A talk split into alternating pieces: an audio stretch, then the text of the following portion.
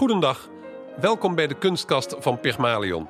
Mijn naam is Jaap Versteeg, ik ben beeldend kunstenaar en kunsthistoricus, werkzaam als kunsthandelaar en eigenaar van Pygmalion. Iedere aflevering van de kunstkast praat ik met een aardig en interessant persoon uit de wereld van de kunst en alles wat ermee samenhangt. En vandaag is mijn gast Casper Erkelens. Casper is hoogleraar in de fysica van de mens, gespecialiseerd in het functioneren van de visuele waarneming en een expert op het terrein van de dieptewaarneming. Casper, welkom in de kunstkast van Pygmalion. Dankjewel, Jap. Laten we beginnen bij jou als persoon. Hoe is de belangstelling voor het functioneren van de visuele waarneming ontstaan? Ja, die komt uit voort uit voorgaand onderzoek wat ik heb gedaan in mijn opleiding en uh, in mijn promotieonderzoek als biofysicus. Biofysica is een discipline van de natuurkunde waarin je probeert om biologische organismen en systemen te begrijpen en te beschrijven. En dat heb ik eerst gedaan aan spiersystemen, uh, uh, aan de kaak bijvoorbeeld. En in mijn postdoc-tijd, dus na mijn promotie, ben ik naar Rotterdam gegaan, naar de afdeling fysiologie. En daar hielden ze zich bezig met de coördinatie van de ogen, oogspieren en vooral uh, hoe ver hangt dus de beweging van de spieren, van de ogen samen met uh, wat wij zien. En uh, zo raakte ik dus geïnteresseerd in uh, niet alleen maar, zeg maar de mechanica van de ogen en de aansturing van de ogen, maar ook hoe wordt die informatie die in de ogen, bij de ogen terechtkomt, hoe wordt die door de hersenen verwerkt en tot één geheel gemaakt, bijvoorbeeld in de hersenen, en tot een driedimensionaal beeld. Wat is daarvoor nodig? En wat zijn misschien bijvoorbeeld afwijkingen daarin en beperkingen daarin? Ja.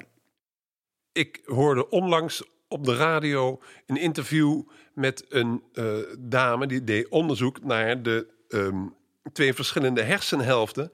Uitgaande van het idee, ik weet niet in hoeverre dat juist is, dat de ene hersenhelft wat meer verantwoordelijk is voor de ratio en de andere voor de emotie. En dat dat in zeker opzicht ook weer invloed heeft op de visuele waarneming. Is dat ook een aspect wat jij onderzoekt of klopt dat? Nou, ten eerste heb ik dat niet zo onderzocht, nee.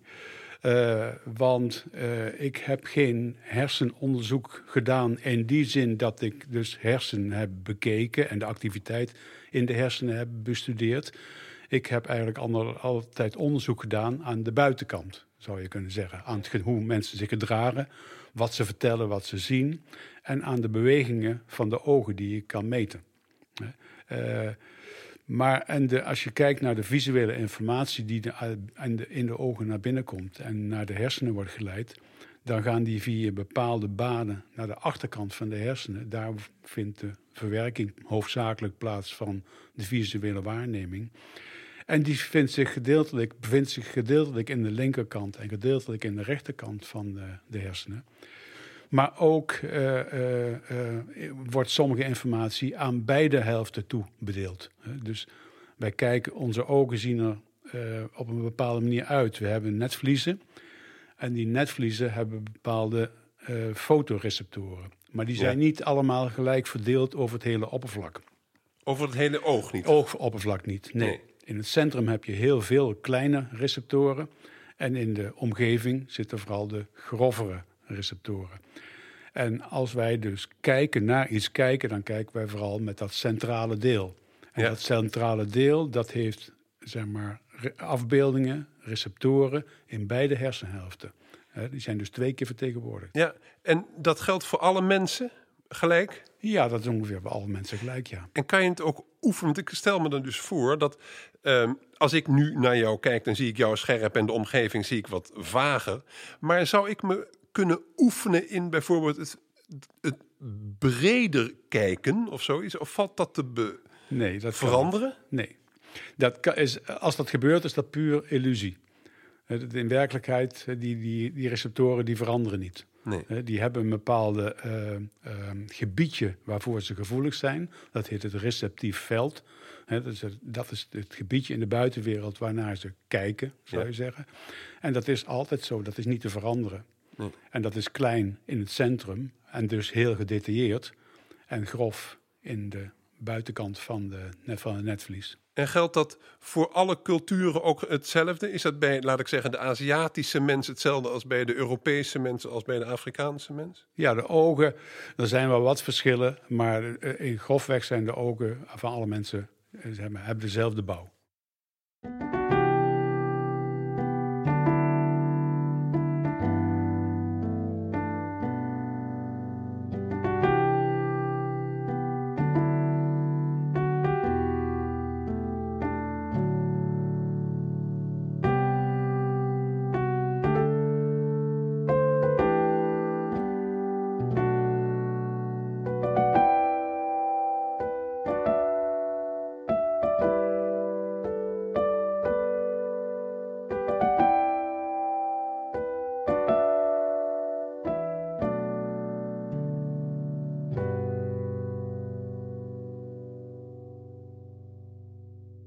Ik vraag dat ook een beetje daarom, omdat ik weet dat bijvoorbeeld, um, we gaan het er straks denk ik nog wat verder over hebben, de, de dieptewaarneming van de uh, mens. We zien waarschijnlijk dus op dezelfde manier diepte, maar de um, afbeelding van diepte in de kunst kan wel per cultuur verschillen. Maar dat heeft dus niets te maken met de waarneming op zich. Nou, niet met de ogen in ieder geval. Hè? Dat heeft meer te maken met waarschijnlijk wat er in de hersenen gebeurt. Hoe die informatie van de ogen in de hersenen wordt geïnterpreteerd. Dat kan verschillen. Er zijn wel grote verschillen in de ogen tussen dieren hè, en tussen mensen. Er zijn heel grote verschillen. En dat hangt af, ten eerste, de plek uh, waar de ogen staan in het hoofd. Dat zie je al heel duidelijke verschillen. Je hebt dieren met zijdelingse ogen, maar je hebt ook dieren met ogen voor in het hoofd, zoals wij. En dat is wel een functioneel verschil. Want het feit dat wij de ogen voor in het hoofd hebben staan, betekent dat zeg maar, de visuele velden, dus het bereik van die twee ogen, die overlappen. En dat is nodig om zeg maar, de beelden uit de beide ogen tot één beeld te integreren. Dat hebben dieren met zijdelingse ogen hebben dat niet. dus die hebben wel een heel groot gezichtsveld, want die kunnen zowel voor als achter kijken, wat wij niet kunnen. Ja. Maar die hebben niet die extra uh, eigenschap dat ze ook diepte uit de twee oogstanden kunnen halen. Dat kan niet. Dat kunnen wij wel. Wij uh, hebben twee ogen en zien dus uh, met ieder oog afzonderlijk. En dat verwerken wij en daarom ervaren wij het als één beeld. Maar bestaat er ook, laat ik zeggen, een afwijking waarbij mensen dat niet als één beeld zien, en misschien twee beelden ja, zien. Dat komt voor. Ja. En dat noemen we scheelzien. Ja, ja, dan heb je dus twee afbeeldingen die niet bij elkaar passen. Dus die beelden komen te, verschillend op de beide ogen. En dan kunnen ze niet meer tot één beeld geïntegreerd worden. Daar heb ik vooral in Rotterdam eerst onderzoek naar gedaan. Uh, door die ogen ook te laten bewegen. Uh, dus als wij veraf kijken en dichtbij kijken, dan maken de ogen verschillende bewegingen. Dat noem je vergentiebewegingen. dus je kijkt naar dichtbij en naar ver af. Dan bewegen de ogen tegengesteld. Ja. Als je dat heel snel doet, dus de dingen heel snel bewegen, dan kunnen die ogen dat op een gegeven moment niet helemaal precies meer volgen. En dan kun je zien hoeveel zeg maar, spelingen er eigenlijk is, tolerantie, die er in het beeld nog is, zodat je toch nog van die twee beelden een één geheel maakt. En dat is beperkt. En bij scheelzien is het zo dat één oog altijd eigenlijk een afwijkende positie heeft ten opzichte van het andere oog. En die verschillen zijn dan zo groot dat die beelden niet tot één beeld kunnen worden samengevoegd. Maar betreft dat dan een verwerking, een geestelijke, een, een, hersenafwijking? Of laat ik zeggen, kunnen de hersenen het niet aan of kunnen de oogspieren het niet aan? Nou, beide. Dus de oogspieren worden niet optimaal aangestuurd, zodat die ogen in de juiste stand komen. Dus daar zit een beperking in. En omdat die beperking is, kunnen de hersenen het niet tot één beeld integreren. Uh, en dat feit dat het niet geïntegreerd is, heeft ook weer uitwerking op de spieren. Het is een soort wisselwerking. En is dat iets wat je met een bril kan verhelpen? Nou, je ziet het vaak bij kleine kinderen. Dus uh, als uh, kinderen van drie, vier jaar, die moeten leren om die ogen te integreren. Dat gaat automatisch. Maar soms gaat dat niet goed en dan zie je dat zo'n kind een beetje loenst. Hè? Dus uh, een beetje schil ziet. En dan wordt één oogje afgeplakt. Een lui oog. Een lui oog noemen ze dat vaak. En dan wordt het oog weer gestimuleerd. En het andere oog gestimuleerd. En door dat een beetje af te wisselen, kan worden geprobeerd om dat proces zeg maar, op gang te krijgen en te versterken. Als dat niet lukt, ja, dan kan, kunnen er twee dingen gebeuren. Of iemand wordt eigenlijk functioneel éénogig. Hij kijkt wel met beide ogen en hij kan ook wel met beide ogen waarnemen als hij ze afzonderlijk afdekt. Maar die beelden worden niet tot één geïntegreerd. Ja. En soms is het dan zo dat de hersenen zo ver veranderen dat die alleen nog maar reageren op het beeld, op één beeld uit één oog. En dat andere beeld, dat wordt gewoon genegeerd. Dat wordt niet meer gebruikt.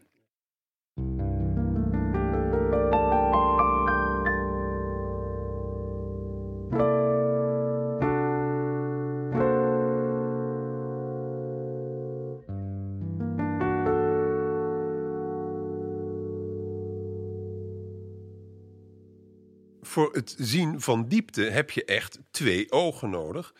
Zijn deze mensen daarin dan ook beperkt? Kunnen zij minder goed diepte zien? Ja, het is niet zo dat je voor diepte zien twee ogen nodig hebt. Je kan met één oog perfect eh, diepte zien. Als je één oog sluit, je hand, een hand voor één oog houdt, nou dan verandert er heel weinig in de wereld. Je ziet nog steeds de dingen op de correcte afstand. Er zijn alleen um, bij dat tweeogig zien, uh, heb je uh, gewoon een extra uh, eigenschap die je kan helpen in sommige situaties. Wat dat tweeogig zien uh, extra geeft, is dat het zeg maar kleine verschillen in de afbeeldingen uit uh, of interpreteert als diepte. maar dat is niet noodzakelijk. Hè? Want als je één oog met één oog kijkt, dan zijn er allerlei eigenschappen in het beeld die aangeven waar dingen in de ruimte zijn. Je hebt ook nog motorische uh, indicatoren die zeggen waar dingen zijn. je, je, pupil stelt zich in, de ooglens stelt zich in op een bepaalde afstand. Dat geeft allemaal aan waar dingen ongeveer zijn. Maar verder zijn er ook allerlei uh, eigenschappen in het beeld. Zoals je, en die vereisen vaak wel voorkennis. Bijvoorbeeld als je een auto ziet, ja, je weet ongeveer hoe groot een auto is. Dus hoe groot die afgebeeld wordt op het oog, dat vertelt iets over de afstand van die auto tot aan jezelf. Uh, zo zijn er ook andere eigenschappen. Hè. Dus, zo is er bijvoorbeeld ook de vaagheid van dingen. Hè. Dingen die heel ver weg zijn, die worden vaak vager dan dingen die dichtbij zijn. Dingen zijn vaak helderder of minder helder, ook allemaal gerelateerd aan afstand dingen dichten, uh, dekken elkaar af. Als je een voorwerp hebt wat achter een ander voorwerp zit, dan wordt het afgedekt. En dat betekent dat dat voorwerp natuurlijk verder weg moet zitten. Nou, maar dat soort eigenschappen doen mee in de waarneming van diepte. Ja. Jij hebt verder ook meer onderzoek gedaan naar perspectief. Daarbij ben je ook uitgegaan van die tweeogigheid, neem ik aan. is dat een term, tweeogigheid? nou ja, binoculariteit heet dat met een duur woord. Hè? Of tweeogigheid, ja. Uh, nou nee, eigenlijk niet. Het, want voor perspectief maakt het niet uit of je met één oog kijkt of met twee ogen. Hè? Perspectief werkt eigenlijk vooral op grote afstand. Dan zie je duidelijk de werking van perspectief. En uh, perspectief is eigenlijk het bijzondere feit dat dingen die ver weg zijn, ja, wij kleiner waarnemen dan dingen die groot zijn. Dan kan je zeggen, ja, dat is heel automatisch zo, dat, is, dat moet bijna wel, want ja, zo worden dingen ook afgebeeld. Als je een foto maakt, dan zijn de dingen die ver weg zijn, worden ook klein afgebeeld en de dingen die dichtbij zijn, zijn groter. Maar als het ons zien zou zijn als op de foto, dan zou ons zien plat zijn. Gewoon zoals een foto. Of als een, uh, een, ja, een plaat. Maar het is driedimensionaal. Het heeft diepte. En dat betekent eigenlijk zit ons zien in tussen hoe de wereld werkelijk is, met oneindige afstanden, en hoe de wereld op een prent is, met nul afstanden. Wat wij zien, uh, in, ook in een prent, heeft diepte. En daarmee wijkt het af van wat de prent zelf is. Als je dus naar een foto kijkt, zijn er altijd dus twee bronnen van informatie die in conflict met elkaar zijn. Of naar een tekening. De tekening is zelf een voorwerp. En dat betekent het staat op een bepaalde afstand en geeft door aan de hersenen dat het plat is. Maar wat erin afgebeeld staat, dat als daar diepte in zit, ja, dan zitten er allerlei verwijzingen in die zeggen dat, wat dat die diepte is. Maar ja, dat is in conflict met het plaatje zelf. En dus zien wij in een foto of in een, of in een schilderij of in een tekening de diepte altijd toch anders dan in werkelijkheid, zoals die in de buitenwereld is. Ja. En dat heeft ook consequenties. Ja, ook voor het afbeelden. En daarom zijn er ook tekenaars en schilders ja, die eigenlijk daar wel problemen mee hebben om dingen fotografisch af te beelden. Want dat geeft een bepaalde indruk aan het beeld die niet klopt met hoe je de wereld werkelijk ziet. En dus proberen ze daarvan af te wijken hè, en daar een compromis in te vinden. Kan je daar voorbeelden van noemen, concrete voorbeelden? Ja, dat zie je in, in veel schilderijen. En je ziet het vooral als je kijkt naar hoe afstanden in schilderijen en tekeningen worden afgebeeld. Als je vaak uh, zie je met als je een, een laan hebt met bomen. Uh, en je zou eens kijken naar hoe die bomen, uh, wat de afstand tussen de bomen is op de tekening. En je vergelijkt dat met de afstanden van die bomen. Als je een foto zou nemen, dan zie je dat daar verschillen tussen zijn. De bomen aan de zijkant, die erbij zijn, die zijn altijd, worden bijna altijd veel dichter bij elkaar getekend dan ze op een foto zouden zijn. He, dus de afstanden worden verkleind. En dat komt omdat dat in de waarneming van de echte wereld ook zo is. He, omdat daar diepte in zit. En, maar op die foto wordt, zeg maar, eh, dat eigenlijk, eh, is dat weg. Dat is een ander soort perspectief.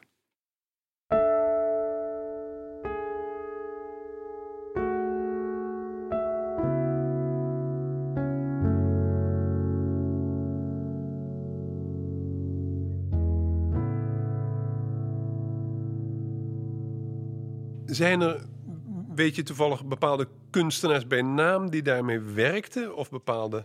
Ja, ik heb, ik heb verschillende uh, kunstenaars uh, onderzocht. Uh, naar, in hun schilderijen gekeken hoe ze dat doen. En dan zie je vooral dat kunstenaars die werkzaam waren in de Italiaanse renaissance... dat die daar heel duidelijk van afwijken, van het fotografisch perspectief. dus schilders zoals Canaletto bijvoorbeeld die uh, heel veel stadsgezichten uh, heeft geschilderd. Piero della Francesca misschien? Ook, ja. ja. En, die, en je kijkt naar de, hoe zij de voorwerpen ordenen naar diepte, dan zitten daar duidelijk afwijkingen in, in ten opzichte van een fotografische afbeelding. Ja. ja. Zo'n Canaletto is die man die die schilderij van Venetië ja. maakte. Ja. Um, werkte die ook, voor zover jij weet, met de lijnperspectief zoals wij dat op school leerden? Ja, zeker. In het perspectiefonderzoek naar schilderijen zie je bijna altijd dat wordt gekeken naar waar verdwijnpunten zijn, hoeveel verdwijnpunten er zijn, hoe nauwkeurig die verdwijnpunten zijn. En dat werkt bijna, eh, bij deze schilders is dat bijna uh, perfect. dus, uh, dat, maar het zit hem vooral in het verschil in hoe je afstanden dan in de diepte aanbrengt. En dat is anders dan in een foto. Ja. Um, een kunstenaar uit de, van de hedendaagse kunst, een levende kunstenaar die zich erg bezig heeft gehouden altijd met perspectief, is iemand als David Hockney. Heb jij daar ook onderzoek naar gedaan? Of zie je ook bepaalde voorbeelden in zijn werk dat hij de perspectief op een bepaalde manier gebruikt of interpreteert? Ja, Hockney heeft ook zelf veel onderzoek gedaan naar uh, uh, hoe andere kunstenaars uh, perspectief gebruiken. En hij heeft ook een bepaalde theorie ontwikkeld over hoe schilders uit de middeleeuwen en ook later hulpmiddelen gebruikten, volgens hem, om zeg maar, perspectief goed af te beelden. En hij zelf, nou, hij volgt die, hij kent die regels ten eerste heel goed en hij volgt ze ook meestal wel. Maar ook in zijn, vooral wat nieuwere schilderijen, zie je toch wel duidelijk afwijkingen daarvan. dus uh, ja, het zijn bossen die hij bijvoorbeeld tekent vanuit zijn omgeving in Engeland die wijken, qua, als je kijkt naar de afmetingen van bomen en, wat, en ook naar de, hoe licht en hoe donker die bomen zijn, dan wijken ze duidelijk af van een fotografische weergave. Ja, Dus hij speelt er ook mee. ja. ja.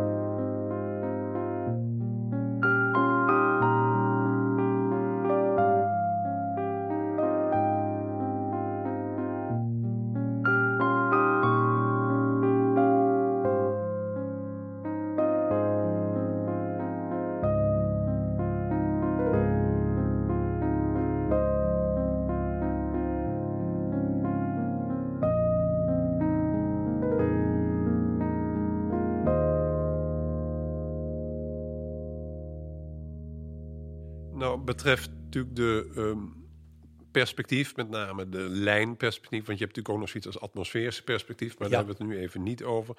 Maar de lijnperspectief is, is nogal formele uh, werkwijze om diepte uit te beelden. Wat ik ook altijd heel erg interessant vind, dat is de esthetische ervaring. En ehm, ik weet dat er een Amerikaanse neuroloog is geweest, ehm, V.S. Uh, eh, Ramachandran, die daar ook onderzoek naar heeft gedaan. Kan jij daar iets over vertellen? Ja, er is wel meer onderzoek gedaan naar de esthetiek van uh, schilderijen. En ja, wat zijn de dingen die wij mooi vinden als waarnemer. Maar dat is toch altijd heel kwalitatief eigenlijk van aard. Uh, want ja, wat vaak, waar vaak naar gezocht is, is om te kijken van wat vindt een waarnemer mooi. Hè, dus door vergelijkend onderzoek te doen en naar verschillende dingen laten kijken en dan te laten beoordelen van wat is mooier dan wat is minder mooi. En dat te vergelijken bijvoorbeeld met uh, neurologische waarneming, hè, dus, dus metingen. dus uh, het zijn vooral neurobiologen die dat soort werk doen en die dan in de hersenen met in hersenscans kijken van welke gebiedjes ligt er vooral op, hè, worden actief uh, bij bijvoorbeeld het kijken naar iets moois of naar iets wat heel lelijk is. En om te kijken of er bepaalde hersengebieden zijn die dan daar vooral bij betrokken zijn. Uh, dat is meestal het niveau van dit soort onderzoek. En daar komen wel wat dingen uit, maar ja, dat is toch wel een heel moeilijk uh, onderwerp eigenlijk. Ja. ja. Ik ehm, begreep ook een beetje uit de resultaten van dat onderzoek dat veel van die aspecten die ons als mens dan een plezierig eh, gevoel geven, dus die als wij esthetisch ervaren, dat kunnen zaken zijn zoals bijvoorbeeld de contrastwerking licht-donker, uh, maar ook het, het, het chargeren van een bepaalde herkenbaarheid, dat dat elementen zijn die ons ooit in het verleden evolutionair voordeel hebben opgeleverd. En, omdat, en dat wij dat daarom als aangenaam ervaren. Vind je dat plausibel? Ja, dat kan plausibel zijn. Dat zijn hypotheses en vooral filosofen zijn daar heel erg uh, verzot op om uh, dat soort hypotheses op te werpen. Alleen de bewijsvoering daarvoor is vaak nogal dun. Hè? Dus ja. Nou, ik kan misschien uh, iets vertellen over een, een eigen, een bijzondere visuele ervaring, uh, die als heel prettig wordt ervaren, die waarschijnlijk nog heel weinig mensen kennen.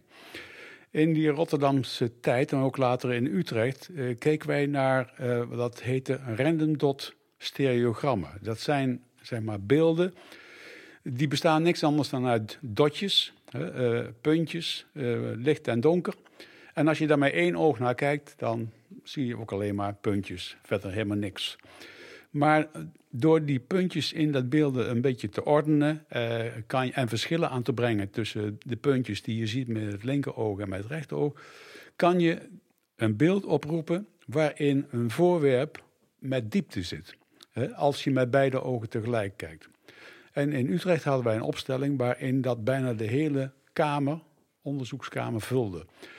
En het bijzondere van die diepte is, die diepte die groeit over de tijd. Dus als je nou langer naar zit, als je nou, nou ja, een paar minuten, dan wordt dat alleen maar groter, alsof het moet, zich moet ontwikkelen. En ik heb soms wel uh, een half uur of uh, wel een uur misschien wel alleen maar in zo'n kamer gezeten met, met, met, alleen maar van die donkere en lichte uh, stipjes. En dat geeft een hele gelukzalige ervaring. Ja, het, het is bijna therapie. En ik weet niet waar het vandaan komt. Ja. Het zou bijna het succes verklaren van Damien Hirst, die furoren maakt met, mijn, met zijn stippenkunst. Oh ja, ja.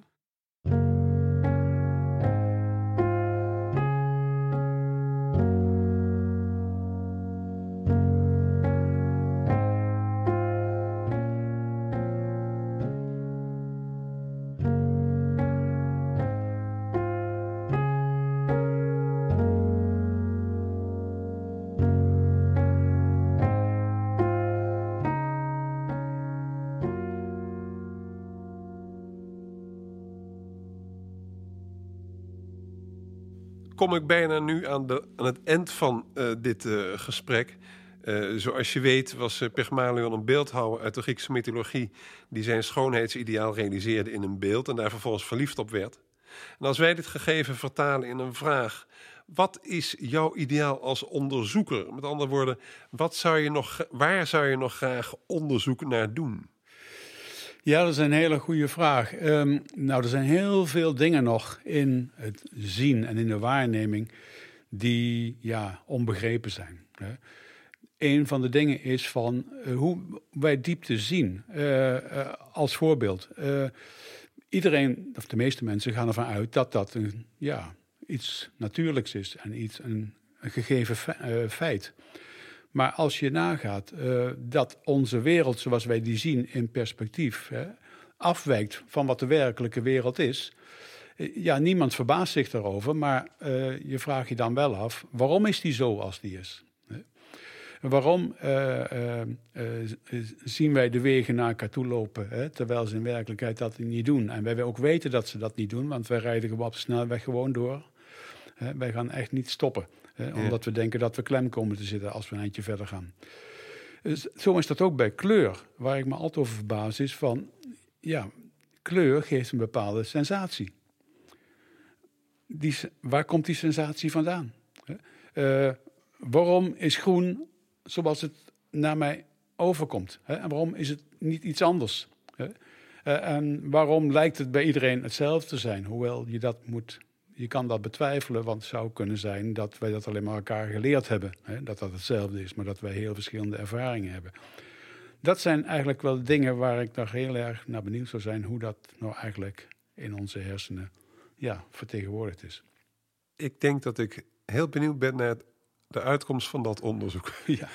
Dankjewel, Casper. Ik vond het een erg leuk gesprek. Graag gedaan.